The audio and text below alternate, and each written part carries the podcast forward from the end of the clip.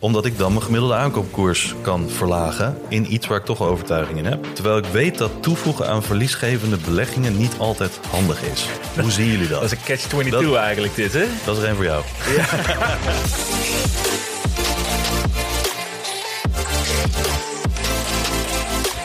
Een nieuwe aflevering. We zitten er weer, Twan. Zitten we weer. Het eh, was maar een weekje, hè? afgelopen week of afgelopen twee weken. Ja, er gebeurt genoeg.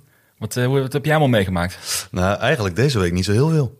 Nee, nee, ja, je moest je bijkomen van de week ervoor, zeker? Nou ja, ja, er gebeurt natuurlijk een hoop in de markt. Maar ik zat deze week even een paar dagen op de Veluwe. En eh, de grootste moeite om niet op mijn telefoon te zitten en om dingen te bekijken. Want er gingen zoveel alerts af. En ik dacht van ja, dan word je toch getrokken van hè, wat moeten we doen. En, eh, maar dat was vooral in de crypto-wereld. Maar ook, vond ik ook interessant. Aan het begin van de week, alle andere markten stegen ook. En ik dacht toen ik wegging, dacht ik van zo, dit is echt bullish. En weet je, alles ging omhoog. En toen kwam ik terug en toen was alles weer gewoon gezakt naar het punt waarop, waarop de week begonnen was. Voor heel veel, eh, voor de Nasdaq onder andere en ook de, de S&P 500.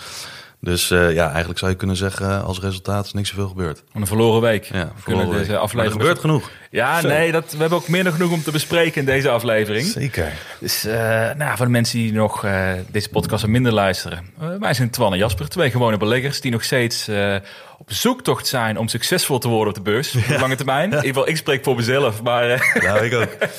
volgens mij gaat het bij jou wel een stuk, be- een stuk beter in ieder geval dan... Ja, een stuk minder slecht, denk ik. een stuk minder slecht. Misschien is dat wel de, de eerlijke beschrijving inderdaad. En we gaan het vandaag hebben over het signaal of de bodem is aangetikt. Of is het simpelweg een teken dat de bubbel nog niet eens lekje prikt. En Ja. Daar ga jij zo meteen iets van vinden, Twan. Ja. Eh, ik vond het zelf leuk om te gaan praten over plantaardig voedsel. Of eh, plant-based foods. Dat is iets waar naar mijn gevoel ontzettend veel mensen over praten. En denk, ja, dit gaat heel groot worden de komende jaren. Maar, niemand eh, eet. maar niemand eet. nou ja, dat, dat is alvast even een teaser misschien. Maar ja, is het een hype of is het iets waar je in kunnen, Ja. kunnen beleggen of niet? Leuk. Eh aan afsluitend, we hebben nog een paar leuke luistervragen. Dus ook dankjewel weer voor de luisteraars, voor het insturen daarvan. En we sluiten af met de radar. En eh, jij hebt Coinbase Zeker. deze week. Ja. Dus we gaan toch een beetje op de crypto-tour. Een klein beetje deze aflevering. Een beetje, ja. Eh, en ik ga het zelf hebben over AST Space Mobile. De meest eh, beste risk-reward in mijn beleving op de beurs. Wauw. Nou, Zo, hey, dat, dat is wat. dat is pas een teaser, hè? Voor zo meteen. Maar weet je wat geen teaser is? Eh, dit is geen financieel advies. Ah, de disclaimer inderdaad. Ja, zeker. Geen financieel advies. Beleg alleen met geld dat je kunt missen. En Dit is puur voor entertainment. puur entertainment, doe je eigen onderzoek. Eh, Twan en ik doen ook ons eigen onderzoek. Twan op de Veluwe, ik hier in Den Haag. En eh, nou ja, ons portfolio zei al, die eh, hebben nog een groen kleurtje nodig. Ja. Dus luister ook vooral niet te veel naar wat wij kopen, denk ik dan. Toch, Twan? Nee. Nee.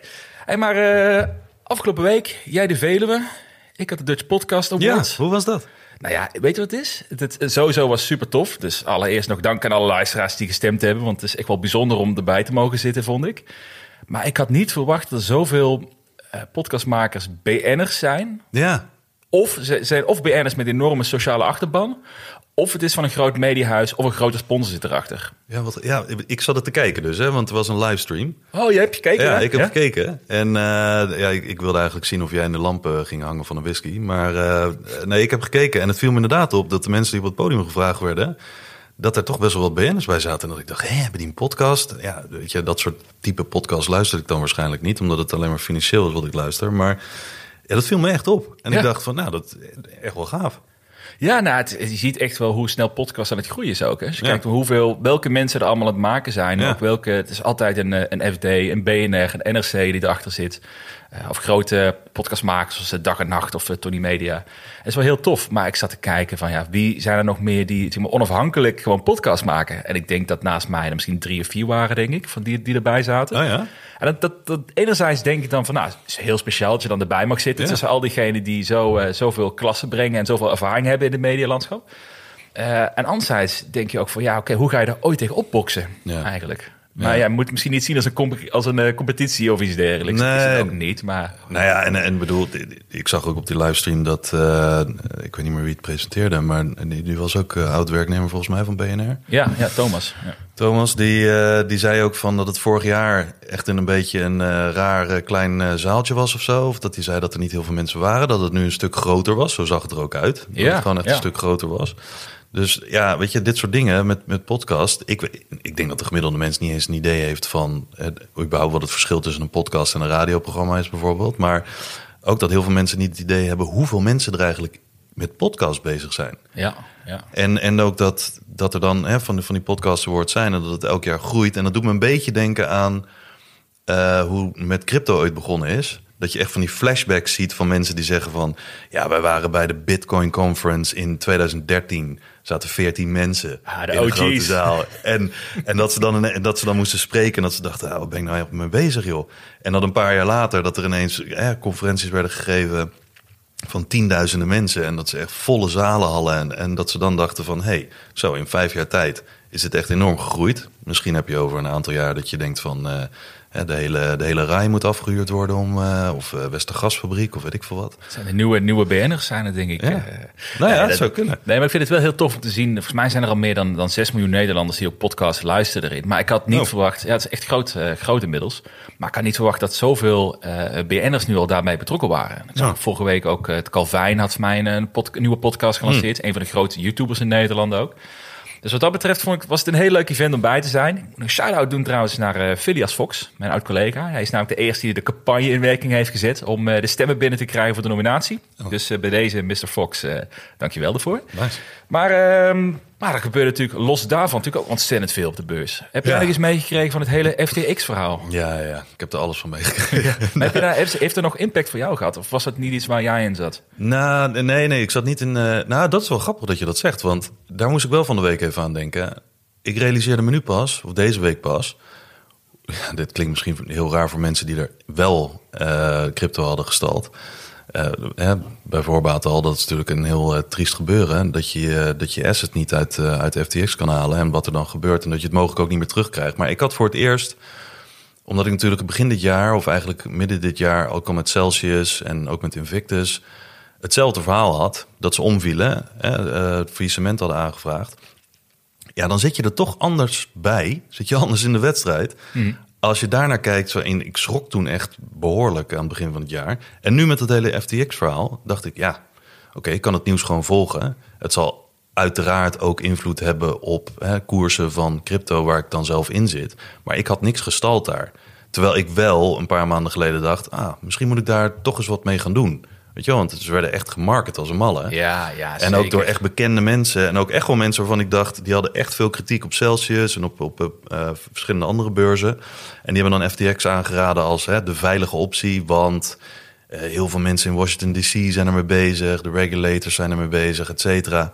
Maar blijkt dus gewoon echt één grote soap te zijn. Ja, nou, misschien voor degenen die nog niet... ook de vorige aflevering niet geluisterd hebben... een van de grootste crypto-exchanges ter wereld. Ja, volgens mij top drie of zo. Top drie ja. inderdaad, die, uh, nou ja, mag je eigenlijk wel zeggen... nu failliet gegaan is of failliet gaat. Opeens eigenlijk bijna uit het niks. Ja, en op de manier waarop ook. Het blijkt gewoon dat het één groot... tenminste, als dat allemaal waar blijkt te zijn... Hè, want de geruchten gaan natuurlijk wel echt de. Maar omdat ze nu faillissement hebben aangevraagd... moet er natuurlijk nu uh, openheid van zaken gegeven worden. Dus er wordt echt flink ingedoken. Maar als, als je ziet...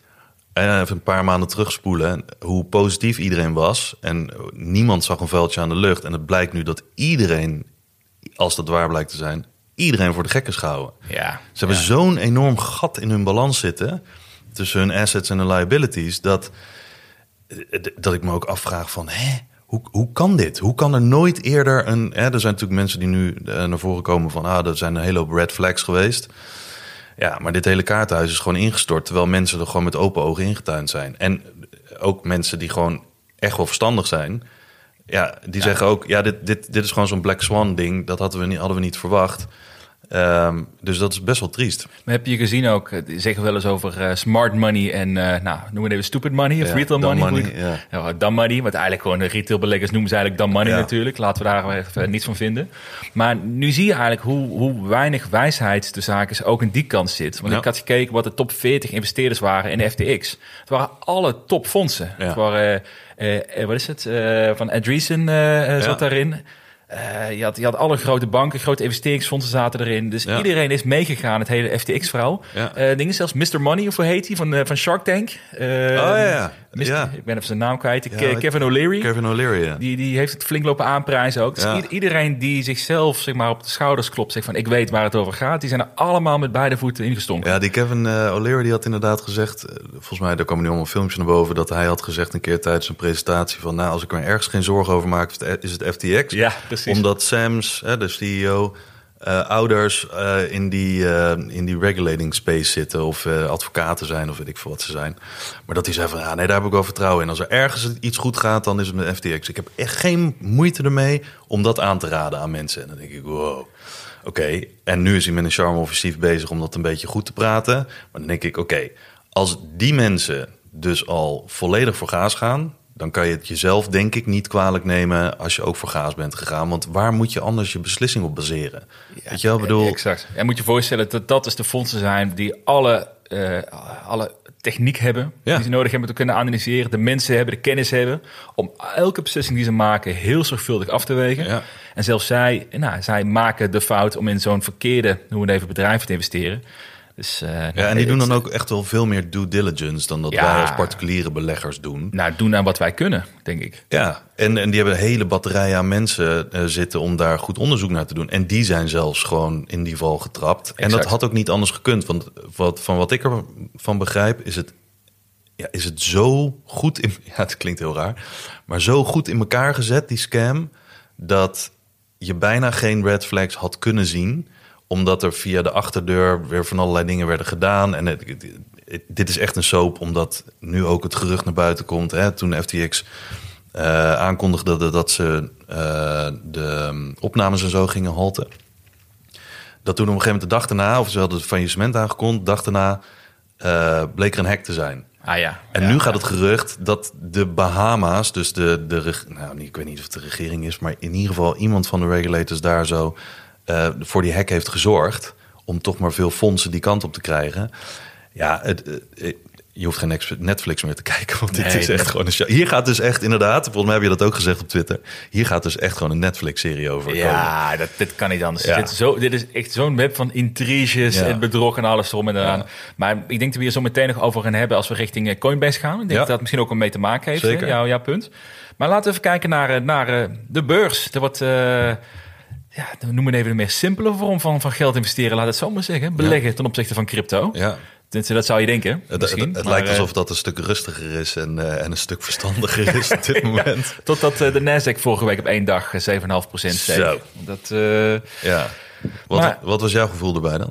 Toen dat eh, in één keer 7,5% steeg. Was je euforisch? Was je, dacht je van, ah, dit, dit is het? Dit, dit is een Nou. nieuwe bullrun of zo? Nee, dat, dat, dat niet meteen. Omdat als je.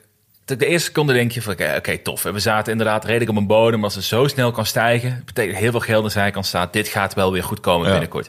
Maar als je daar dan een, eh, een kwartiertje lang over nadenkt. En je ziet de reden waarom dat gebeurde. Omdat de rente of de inflatie niet, eh, wat is het, 7,9% steeg, maar 7,7 of zoiets. Voor mij Ja. 0,2% minder dan verwacht. Ja. Maar nog steeds steeg. Ja. Bullish. Ja, als, als dat de reden is waarom we allemaal moeten gaan jagen, dan eh, komen we van een koude kermis thuis, Ja. denk ik. Dus eh, nee, het, was, het was leuk voor die dag. Maar volgens mij, tenminste in mijn portfolio, is het meeste van die, van die winsten zijn ook weer redelijk teruggegeven hoor, die anderhalf weken. Ja. Dus dat, eh, nee. Maar ik vond het wel leuk, want je had dus voor deze week, heb jij eh, op de agenda staan om te bespreken, eh, of dit de tekenen zijn van een bodem, Ja. Of dat dit betekent dat de bubbel waar we in zitten, waarschijnlijk in zit, of niet is leeggeprikt. Ja. Maar wat bedoel je daarmee? Nou ja, kijk, eh, wat je natuurlijk ziet, en dat is ook een beetje hè, na die 7,5% stijging bij de Nasdaq. Ik zag ineens heel veel mensen, zoals het dan natuurlijk in die markt gaat nu. Heel veel, alle, heel, ja, bijna alles is marktgedreven of nieuwsgedreven. Dus heel veel mensen zeiden: Oké, dit is het teken dat de bodem is geweest, want we gaan nu weer omhoog. Ehm, er zit nog heel veel geld aan de zijlijn. Dat wordt bij het minst geringste nieuws wordt dat eh, de markt ingeslingerd. Daardoor krijg je dit soort resultaten op de beurs. Maar ja, ik vraag me dan af. Er zijn dan zoveel mensen die gaan een bodem voorspellen. Dat zijn ze natuurlijk al heel het jaar aan het doen. Eh, die bodem is al 80 keer geweest volgens mij. En eh, het bloedt maar door. Maar ik vraag me dan af. Ja, ik weet niet waar de bodem is. Maar ik heb wel een bepaald idee bij hoe een bodem eruit zou kunnen zien. Weet je wel, de tekenen van een bodem. Of dat je in ieder geval in de buurt van een bodem bent. En als je ziet dat er nu op basis van zo'n cijfer. Hè, omdat natuurlijk heel veel mensen verwachten: oké, is een teken dat de Fed genoeg heeft gedaan. en dat ze daardoor hè, gaan vertragen met de renteverhogingen. Dus dat is bullish. Maar een bodem bestaat voor mij uit twee dingen. Namelijk, allereerst heb je een bodem in sentiment. En dan heb je een bodem in koersen.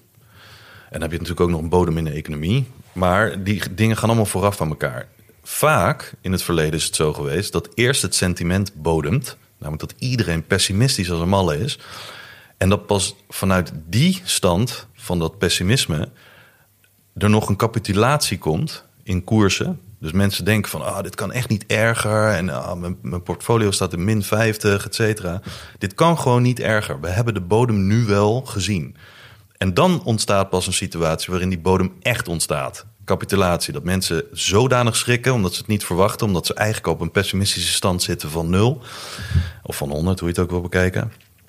En dan komt capitulatie. Uh, gooien heel veel mensen een handdoek in de ring. En ik denk dat we dat nog niet gezien hebben. Ik, dat, nogmaals, ik, ik weet net zoveel als iemand anders. Maar ik heb zo'n gevoel dat altijd eerst het sentiment moet bodemen.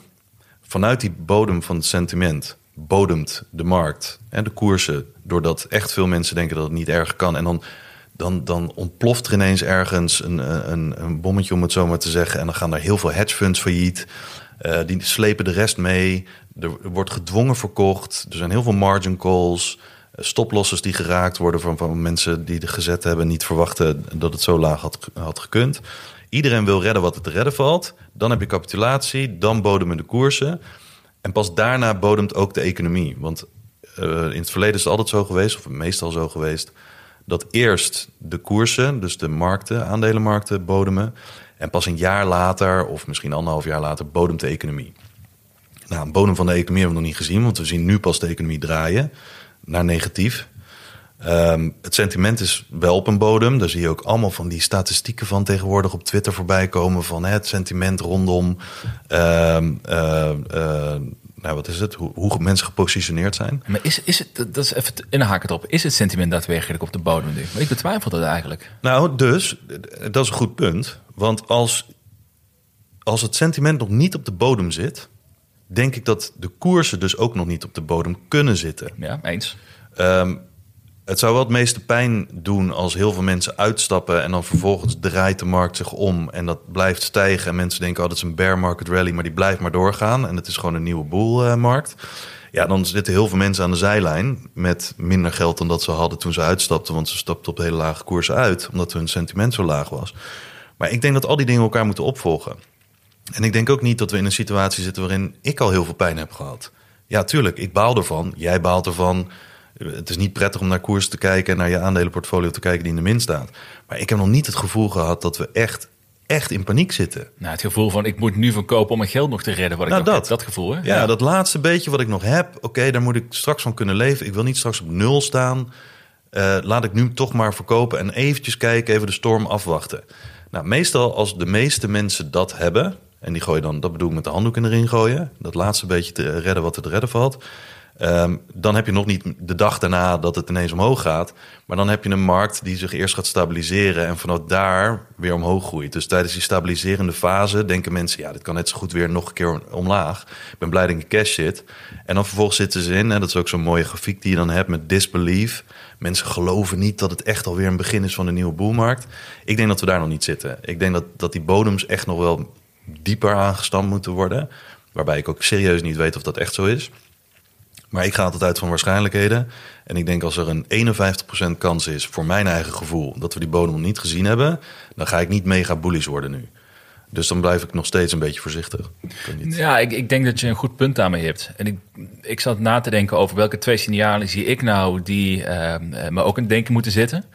Een daarvan is als ik kijk naar het sentiment in mei afgelopen, afgelopen mei was het naar mijn gevoel veel negatiever dan wat het nu was. Hm. Dat was ook een beetje rond de bodem. Ja. zitten nu een beetje rond hetzelfde punt voor veel, in ieder geval voor groeiaandelen dan uh, op hetzelfde punt. Ja, mei, juni. Ja, ja maar dat was wel de, de, de fase waarbij ook de, zeg maar, de, de Fear and Greed Index echt op uh, onder de 10 stond. Ja. En mensen zeiden, dit gaat niet meer goed komen. De groeiaandelen zijn dood voor de komende jaren. Ja, dat heb je nu niet natuurlijk. Mede omdat af en toe ook die in uh, zo'n dagen zoals die 7,5% ertussen zitten. Dat mensen denken, het kan nog.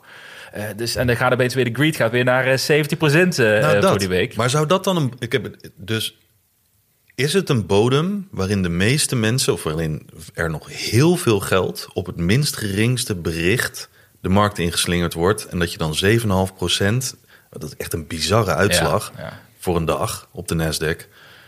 Is dat dan een bodem? Ik denk het niet. Nou, weet je wat, wat, wat, wat, ik- wat dit denk ik heel leuk maakt, maar ook heel lastig, is je kunt alles op andere manieren interpreteren. Ja. En we weten pas over een jaar wie gelijk heeft Ja. gehad natuurlijk. Ik, ik, ik zag laatst een mooie opmerking op Twitter voorbij komen van iemand. Die zei van ja, zolang mensen nog steeds in de, de buy the dip modus blijven zitten, hele slechte strategie blijven kopen als de markt daalt, want eh, je gooit je eigen, je eigen toekomstkansen weg. Alleen wanneer, wanneer is iets buy the dip en dat je jezelf maar met, met oogklep op blijft kopen? Eh, en wanneer is iets dat je kunt zeggen, nou, goede investering. Je hebt durven bijkopen in je hoogste overtuigingen, bla bla bla, dat verhaal.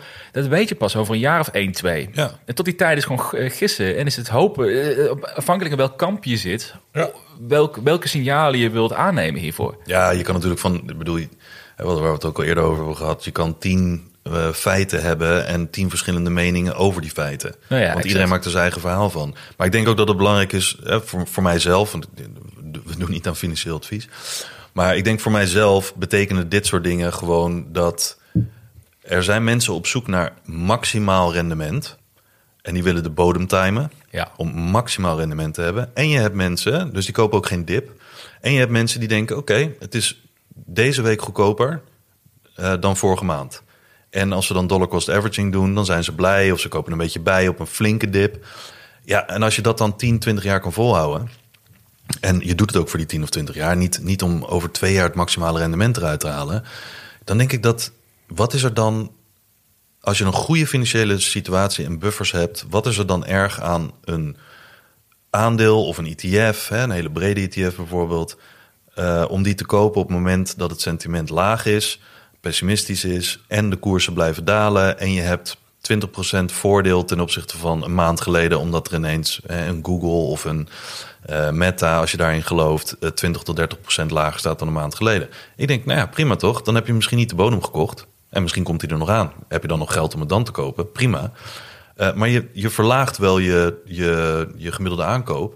En voor de komende 10, 20 jaar, nou ja, prima toch? Nee, eens. En ik denk, eh, samenvattend, ik, ik kan je ook wel volgen erin dat ik denk dat de bodem nog niet is.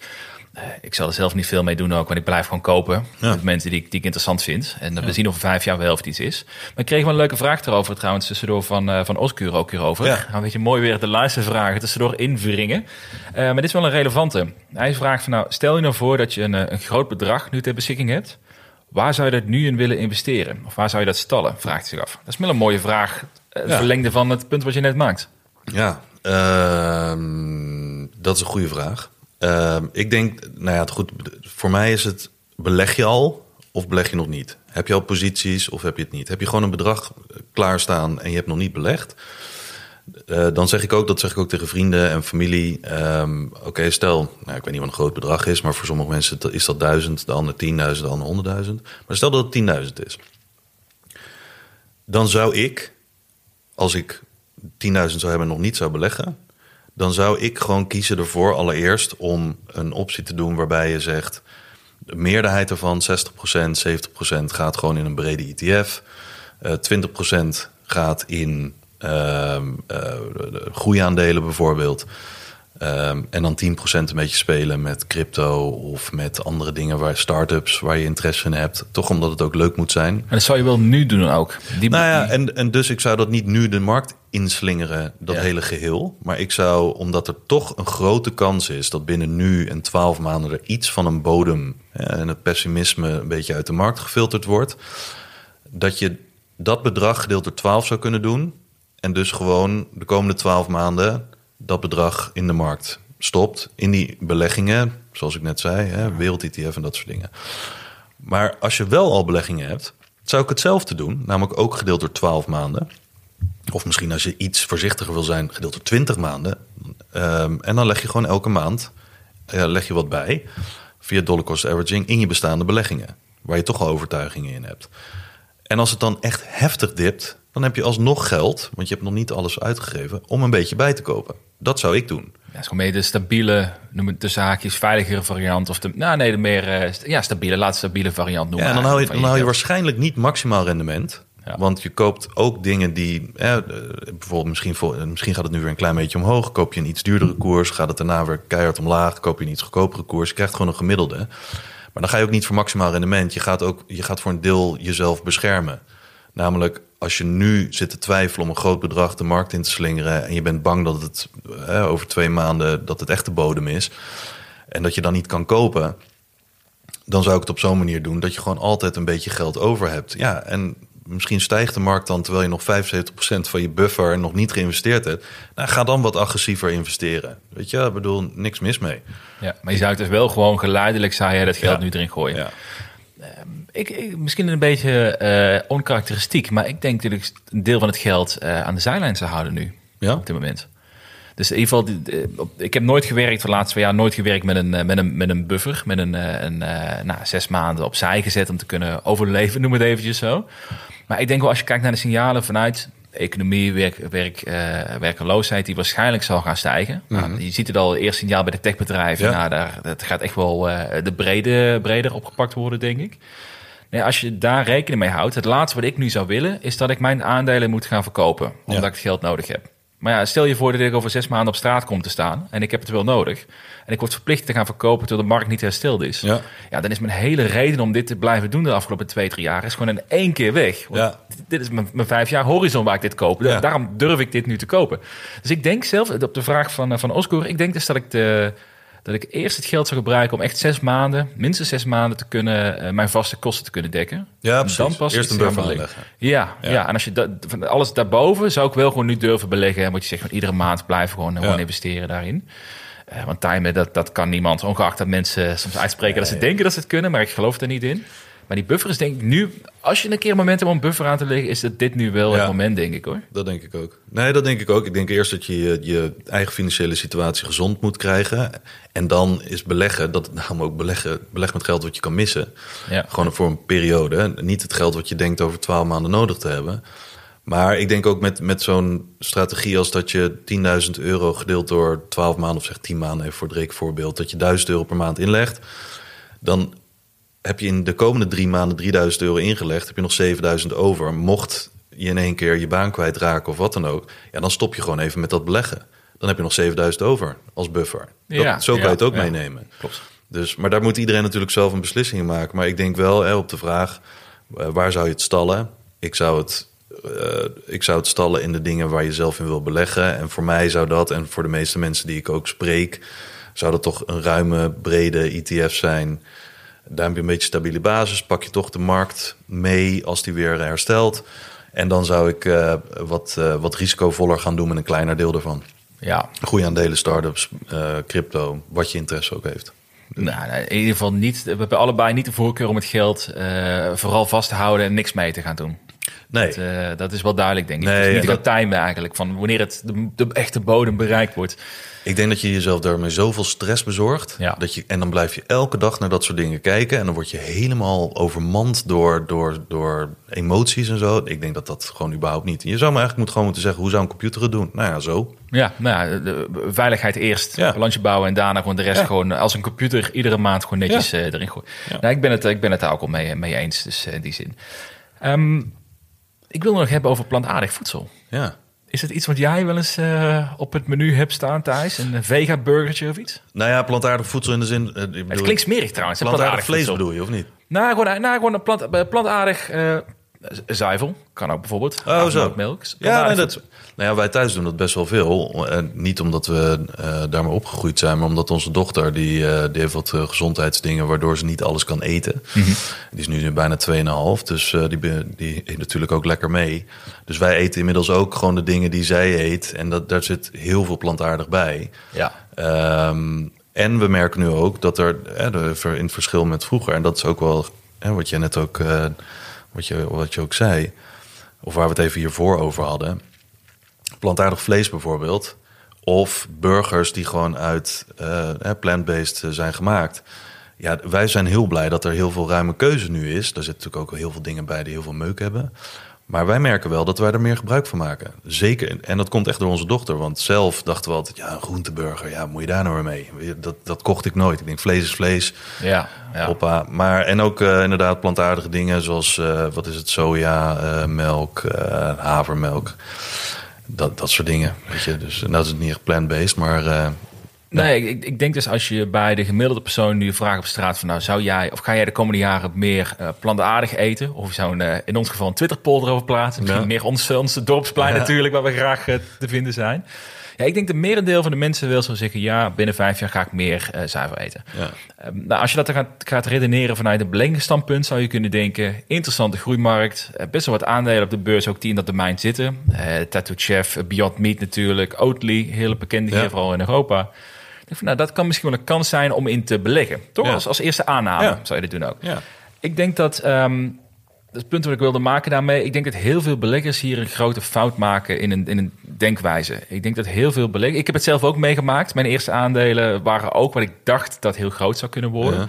Maar ik denk dus dat je, dat je vaak een. Um, dat je een aanname kan maken op basis van wat je zelf denkt. De NS1 onder de marketeers mm. bekend. Uh, of, of op basis van je directe omgeving. En als je denkt bijvoorbeeld, nou oké, okay, meer mensen gaan plantaardig eten. Dat is een groeimarkt, daar moet ik in gaan beleggen. Ik ga nu Beyond Meat. Beyond Meat staat op ja. de laagste punt ooit. Dat is een enorme kans. En ja. op basis daarvan wordt dan een, een keuze gemaakt.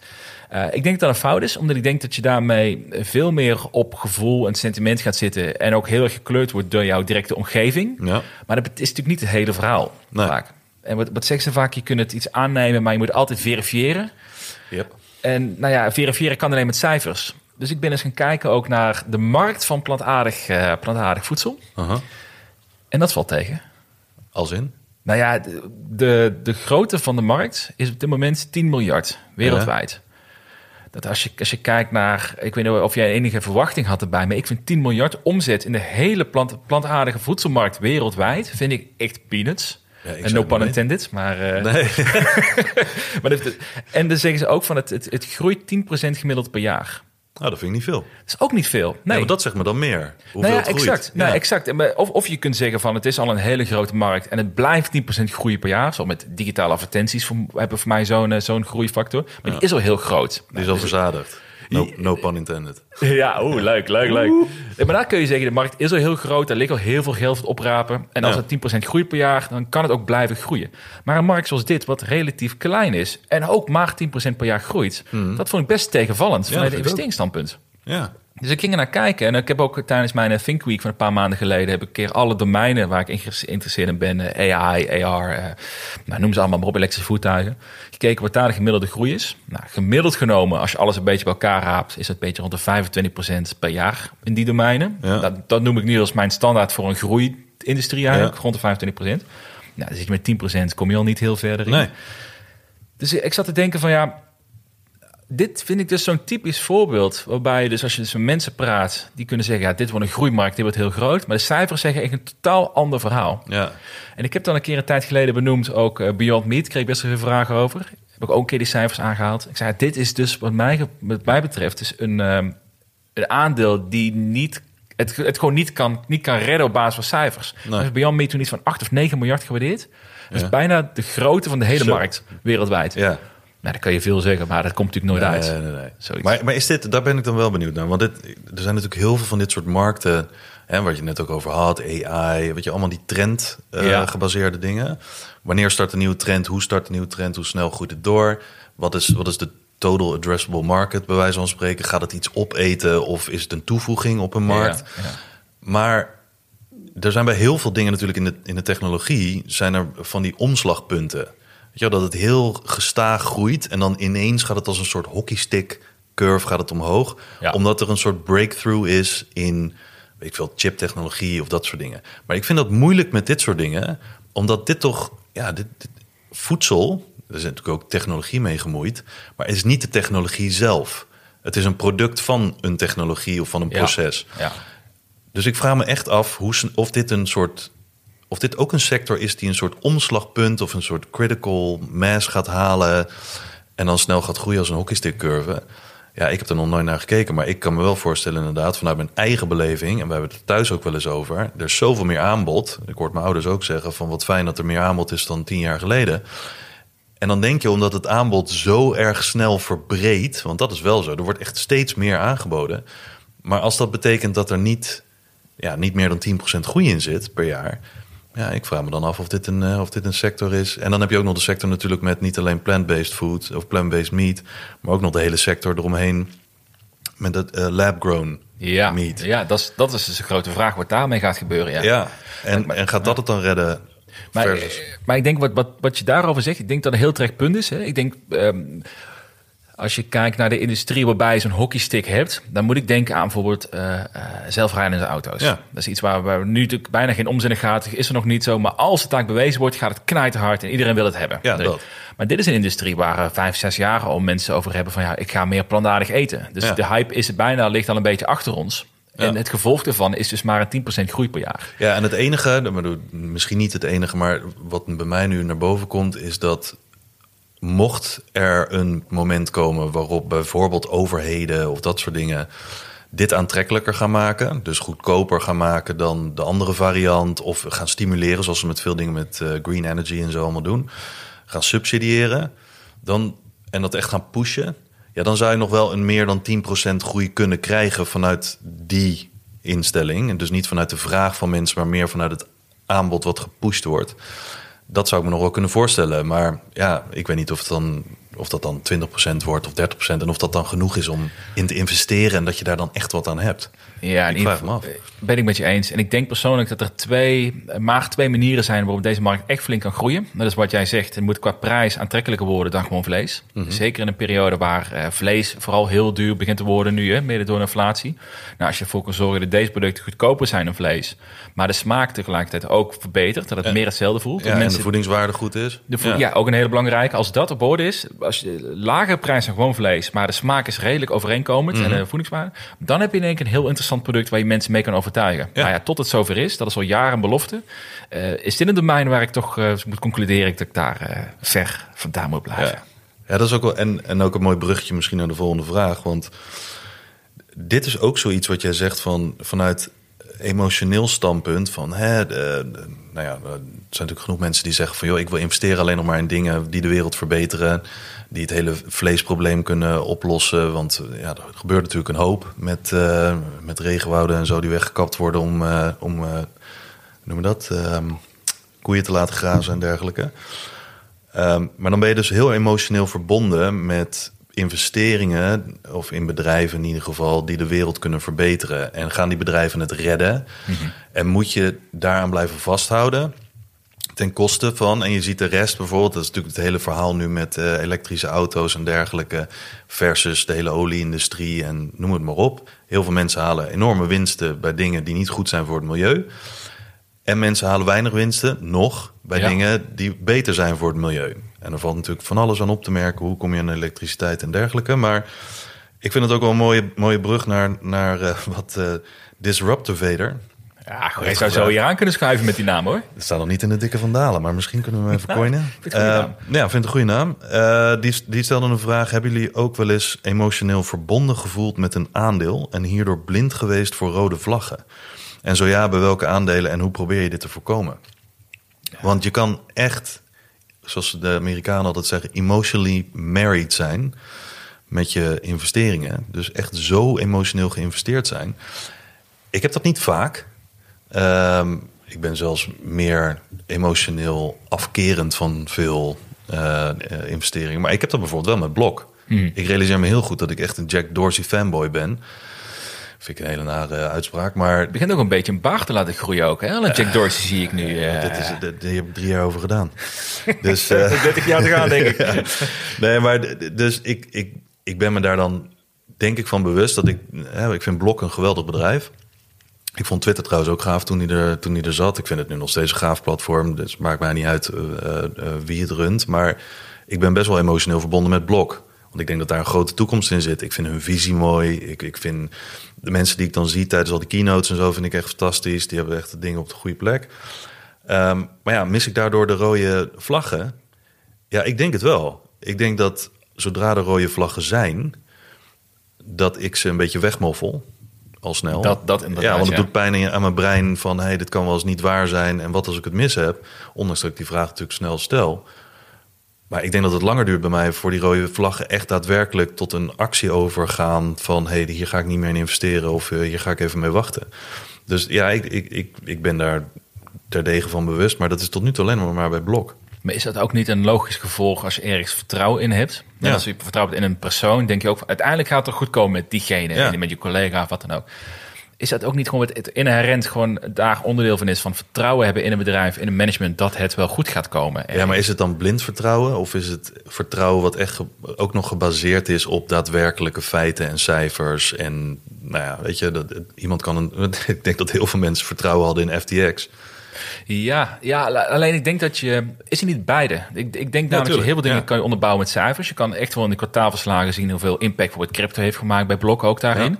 Eh, maar een, een mo- beste voorbeeld, denk ik, daarin is, eh, is Meta. Mhm. En daarin eh, kun je, als je kijkt naar de cijfers, kun je afvragen of de juiste keuzes gemaakt worden. Ja. Maar de vraag is eigenlijk, vertrouw je erop dat Zuckerberg weet waar de toekomst heen gaat? Wat de mensen willen? Ja. Als je er niet op vertrouwt, dan zijn het heel veel vlaggen, rode vlaggen waar je denkt, daar wil ik niks mee te maken hebben. Maar als je wel in hem vertrouwt, dan, dan kan je best wel bereid zijn, denk ik, om die rode vlag een beetje weg te moffelen. Want Ja. je weet dat hij weet, je weet waar hij naartoe wil. Ja, en wat zijn dan de rode vlaggen? Want jij hebt het heel vaak gehad over, eh, eh, niet over stock buybacks, maar stock compensation. Ja, ja, ja, stock-based compensation. Ja, ja. dat, dat, dat dat voor jou echt een rode vlag is. Waar je echt, eh, ook over je bestaande beleggingen, Ja. dat je daar gewoon echt goed aandacht voor hebt. En dat je zegt, ook heel eerlijk, ja, als dat uit de, uit de klauw gaat lopen, dan moet ik echt even serieus mijn belegging gaan herzien. Ja, ja, dat en is mijn dus- overtuiging gaan herzien. Maar dat is dus om de, mede een beetje met Pinterest gebeurd. Die heb ik eh, eh, verkocht twee weken geleden. Omdat toen eh Canoe een hele goede earnings call had. En ik, moest, ik heb geen, eh, geen cashpositie, ik moet gewoon schrijven. En ondanks dat ik daar nog steeds gewoon vertrouwen heb in Pinterest voor, voor, voor een tijdje. Ook al gaan ze maar moeilijke kwartalen tegemoet.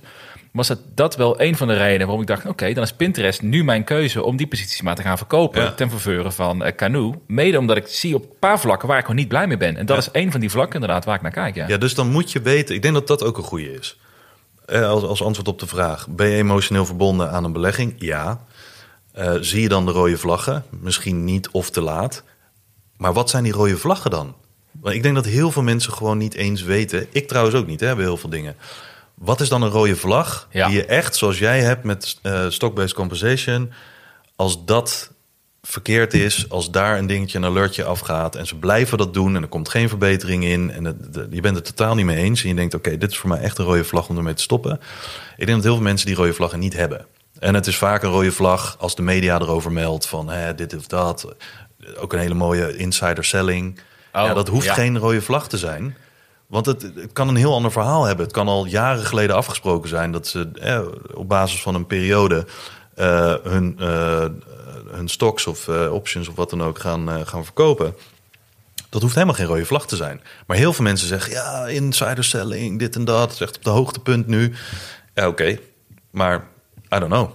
Maar ik denk dat, dat is, ik vind dat een heel goed punt. Ik wilde die ook al maken, want dat is ook Coinbase. Ja. Die waar Brian Armstrong Ja. heeft weer, weer verkocht. Heeft voor 1,3 miljoen aan shares. Maar hij heeft honderden miljoenen aan, eh, aan eh, aandelen. Misschien wel miljarden zelfs.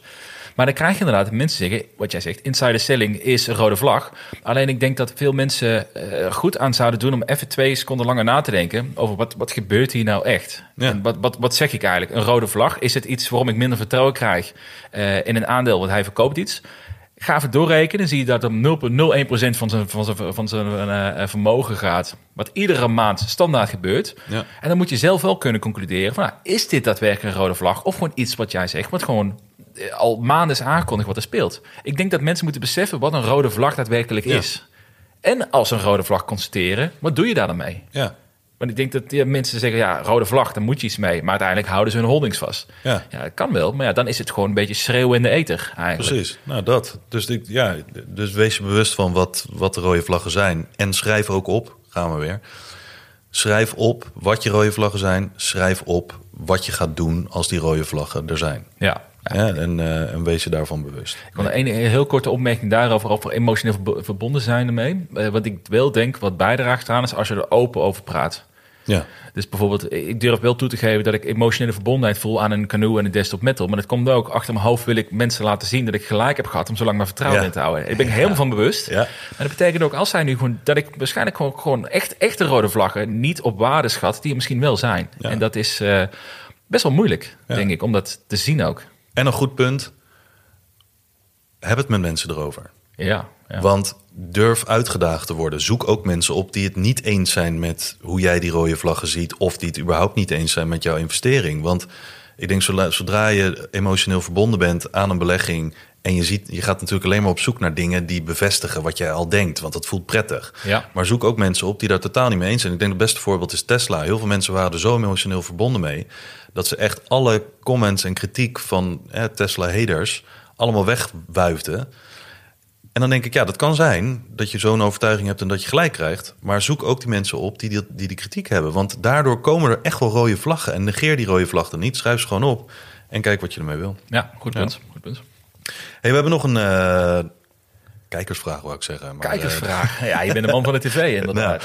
nee, een, uh, een, een luisteraarsvraag. Um, die, dat is Reinoud. Die zei, ik heb altijd moeite om geld toe te voegen aan stijgende investeringen. Want dan krijg ik het gevoel dat ik de boot heb gemist. En dat ik eigenlijk alleen maar dingen koop die steeds duurder worden.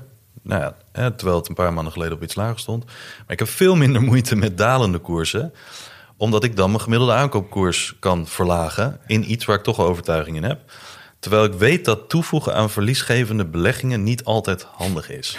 Hoe zien jullie dat? Dat is een catch-22 eigenlijk dit, hè? Dat is er een voor jou. Ja. Lekker dit. Nee, nou ja, ik, ik, ik denk dat iedere belegger zich dit wel herkent, toch? Ja. Dat je het, het, gevoel dat je gemiddelde aankoopprijs omhoog ziet gaan, vind, vind je zonde. Ja. Laag halen voelt lekkerder. Maar ja, is dat een goed teken dat de koers zoveel lager staat dat je, dat je gemiddelde aankoopprijs beneden trekt? Ja, ik denk dat iedereen hiermee kan, uh, kan, kan struggelen. Ja. En ik, ja, we kunnen er heel veel over zeggen over hoe goed het is om bij te kopen als het stijgt. Want het gaat om de waarde van het bedrijf, niet om de koers. Maar dit is gewoon een emotioneel ding, denk ik. Ja, en ik, ik denk voor mezelf ook. Kijk, als je een, als je een belegging hebt waar je bijvoorbeeld een positie in wil innemen. eh, Misschien in de, dat je zegt van joh, ik wil in dit aandeel 10.000 geïnvesteerd hebben. Of je zegt ik wil in dit aandeel 5% zitten van de rest van mijn portfolio. En je bent nog aan het opbouwen. Ja, eh, dalende koersen, hartstikke goed. Want je wil niet iets kopen wat duurder is. Dus eh, als je nog aan het opbouwen bent, dan wil je gewoon een gemiddeld zo laag mogelijke koers hebben. Ja, zoveel mogelijk waarde voor je geld. Of waar voor je geld. Maar ik denk dat er ook wat valt te zeggen voor heb je die overtuiging in iets en probeer je alleen maar je aandelen of je gemiddelde aandelen of je aankoopkoers te verlagen omdat je het zonde vindt dat je weet ik veel twee jaar twee, ma- twee maanden geleden iets hebt gekocht wat op 100 euro gemiddelde aankoopkoers stond inmiddels en nu staat het op 50 de koers daadwerkelijke koers. Ja dan wil je gaan middelen en dan wil je gaan proberen om dat zo laag mogelijk te krijgen want je denkt ja eh, zonde als straks weer omdraait wil ik zoveel mogelijk winst hebben daar is niks mis mee, vind ik, voor mezelf. Doe ik ook. Omdat ik die overtuiging heb dat ik die aandelen echt wil houden voor de langere termijn. Maar je kan ook denken, een stijgende koers is helemaal niks mis mee als je daarin investeert. Want hoe ver kan die koers nog stijgen? Zitten we in een boelmarkt bijvoorbeeld? Dus heel veel mensen zeggen ook, heel veel traders ook, die zeggen wacht op de signalen dat het boven een bepaald punt gaat breken, want dan weten we dat we weer in een boelmarkt zitten. Ja, dan heb je minder winst dan dat je had gehad als je de bodem had gekocht of als je je aandelenkoers, gemiddelde aankoopkoers, de hele tijd had verlaagd. Dat kan, maar je hebt wel alleen maar winst. Je hebt geen verlies meer. Dus daar zit een afweging in, denk ik, voor iedereen. Dat zeg ik zelf ook. Maar ik ben zelf een persoon, en het is echt psychologisch, zoals je zelf ook al zegt. Ik ben een persoon die liever het verlaagt en dan maar wat langer op tegen papieren verlies aankijkt. Dat werkt gewoon bij mij zo. Dan dat ik wacht totdat het alweer 30% is gestegen. En dat ik dan pas begin met mijn positie opbouwen. Dat voelt voor mij heel krom. Ik weet dat ik er ook nooit mee om kan gaan. Daar ben ik ook mee gestopt. Ik blijf gewoon mijn aan- aankoopkoers verlagen. Maar ik denk dat dat voor de meeste mensen ook gewoon veel lekkerder voelt. Maar je hebt het gevoel dat je iets goedkoper kan kopen dan je voorheen deed. In plaats van duurder kopen. Ja. Omdat je een paar maanden geleden niet durfde te Ja, kopen. maar vaak. Ik koop het niet omdat het goedkoper is, maar koop het omdat je al erin wilde investeren tegen welke koers dan ook. Nou ja, ik denk, ik zit dus in verhaal te luisteren. Ik, ik zit tussendoor na te denken over hoe kun je dit nou concreet twee voorbeelden aanhouden. Ik denk dat ik, er, dat, denk dat ik hem heb, het antwoord erop. Ik denk als je, wat jij zegt, als je wilt blijven investeren, omdat het een aandeel is waar jij lange tijd in gelooft, zoals bij jou bij Blok bijvoorbeeld het geval is, het zal jij denk ik niet veel uitmaken of je het op 90 of 80 koopt. Want Nee. je wilt het gewoon, je, je vertrouwt erin dat de waarde veel meer gaat toenemen de komende jaren. Dus je houdt hem vast. Ik denk dat dat een goed uitgangspunt is om er naar te kijken. Een ander uitgangspunt, die ik denk ook herkenbaar is, wat jij zegt. Ik heb een aandeel gekocht op 100, hij staat nu op 50. Als je dat doet met het idee van ik ga nu verdubbelen, want dan kan ik op 75 kan ik helemaal uitstappen en heb ik geen verlies gemaakt met het aandeel. Ja, precies. Dan ben ik sneller, ben ik break-even. Als dat je manier van denken is, wat denk ik ook heel, maar dat is ook heel bekend ik, want Ja. mensen gaan toch kijken per aandeel, wat is mijn resultaat op het aandeel in plaats van het portfolio als geheel. Als dat je manier reden is om bij te kopen lager, dan denk ik dat je een, eh, een denkfout maakt. Ja, als je reden is om je aankoopkoers te verlagen om uiteindelijk break-even sneller te kunnen uitstappen, Exact. Dan ben je een gat aan het graven, denk ik. Exact, Dat- exact. dat dan, eh, dan, dan, dan, weet je waarschijnlijk ook voor aandeel je zit. Als je nu al een plannen bent, hoe je zo snel mogelijk kan uitstappen. Ja, Dus ja. dat, eh, Ja, goeie. ik denk dat twee, twee mooie scenario's zijn, Zeker. eh, denk Ja. ik. Dan hebben we nog de radar. Dan hebben we nog, nog Radar. twee... Ja, ga je een mooie jingle maken?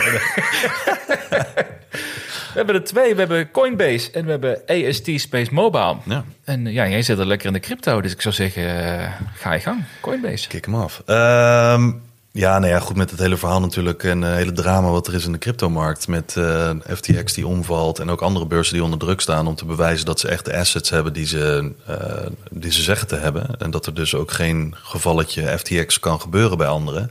Je ziet echt massaal mensen hun assets weghalen uit angst dat er ook bij andere beurzen wat gaat gebeuren. Maar ik denk met Coinbase, ja, love it, dat bedrijf. Ik heb daar ook een beetje een soort haat-liefde verhouding mee. Ehm, maar ik denk dat Coinbase hier best wel wel eens van kan gaan profiteren. Omdat het is een beursgenoteerd bedrijf. Alles is out in the open. Hè, boeken worden gecontroleerd, et cetera. Ehm, en het omvallen van zoiets als een grote beurs als FTX... ehm, zorgt er denk ik voor dat mensen gaan bewegen naar dingen die misschien niet helemaal idealiter in het ethos zijn van, van, van crypto. Want dat zeggen heel veel mensen bij Coinbase. Van ja, ja, hoge fees en ze houden nog steeds je assets op het platform. Not your keys, not your coins, et cetera. Maar voor de mensen die dat wel willen, die dus wel iemand nodig hebben of een bedrijf nodig hebben om dat soort dingen te doen, denk ik dat Coinbase daar best nog wel eens vruchten van kan gaan plukken. Omdat in deze hele malaise van de markt alles daalt. En ik denk dat sommige bedrijven of aandelen misschien terecht tijdelijk dalen. Maar dat dat een koopkans kan zijn, omdat uiteindelijk, in dit geval Coinbase, zo regulated is in de, in de Amerikaanse markt, maar ook in heel veel andere landen gewoon de licenties heeft. Eh, en in Nederland ook. En eh, ik denk dat ja, als de MICA-regeling eh, in, eh, in Europa ook voor Coinbase eh, heel duidelijk wordt en dat ze daar moeten gaan complyen, dan denk ik dat zij de eerste zijn. En ik denk dat dat dan een soort veilige haven kan zijn in een heel ja, hele arilexe storm. En mensen zoeken dan die veilige haven op. En er zijn gewoon ook heel veel mensen die weten niet hoe ze zelf hun assets moeten, moeten bewaren.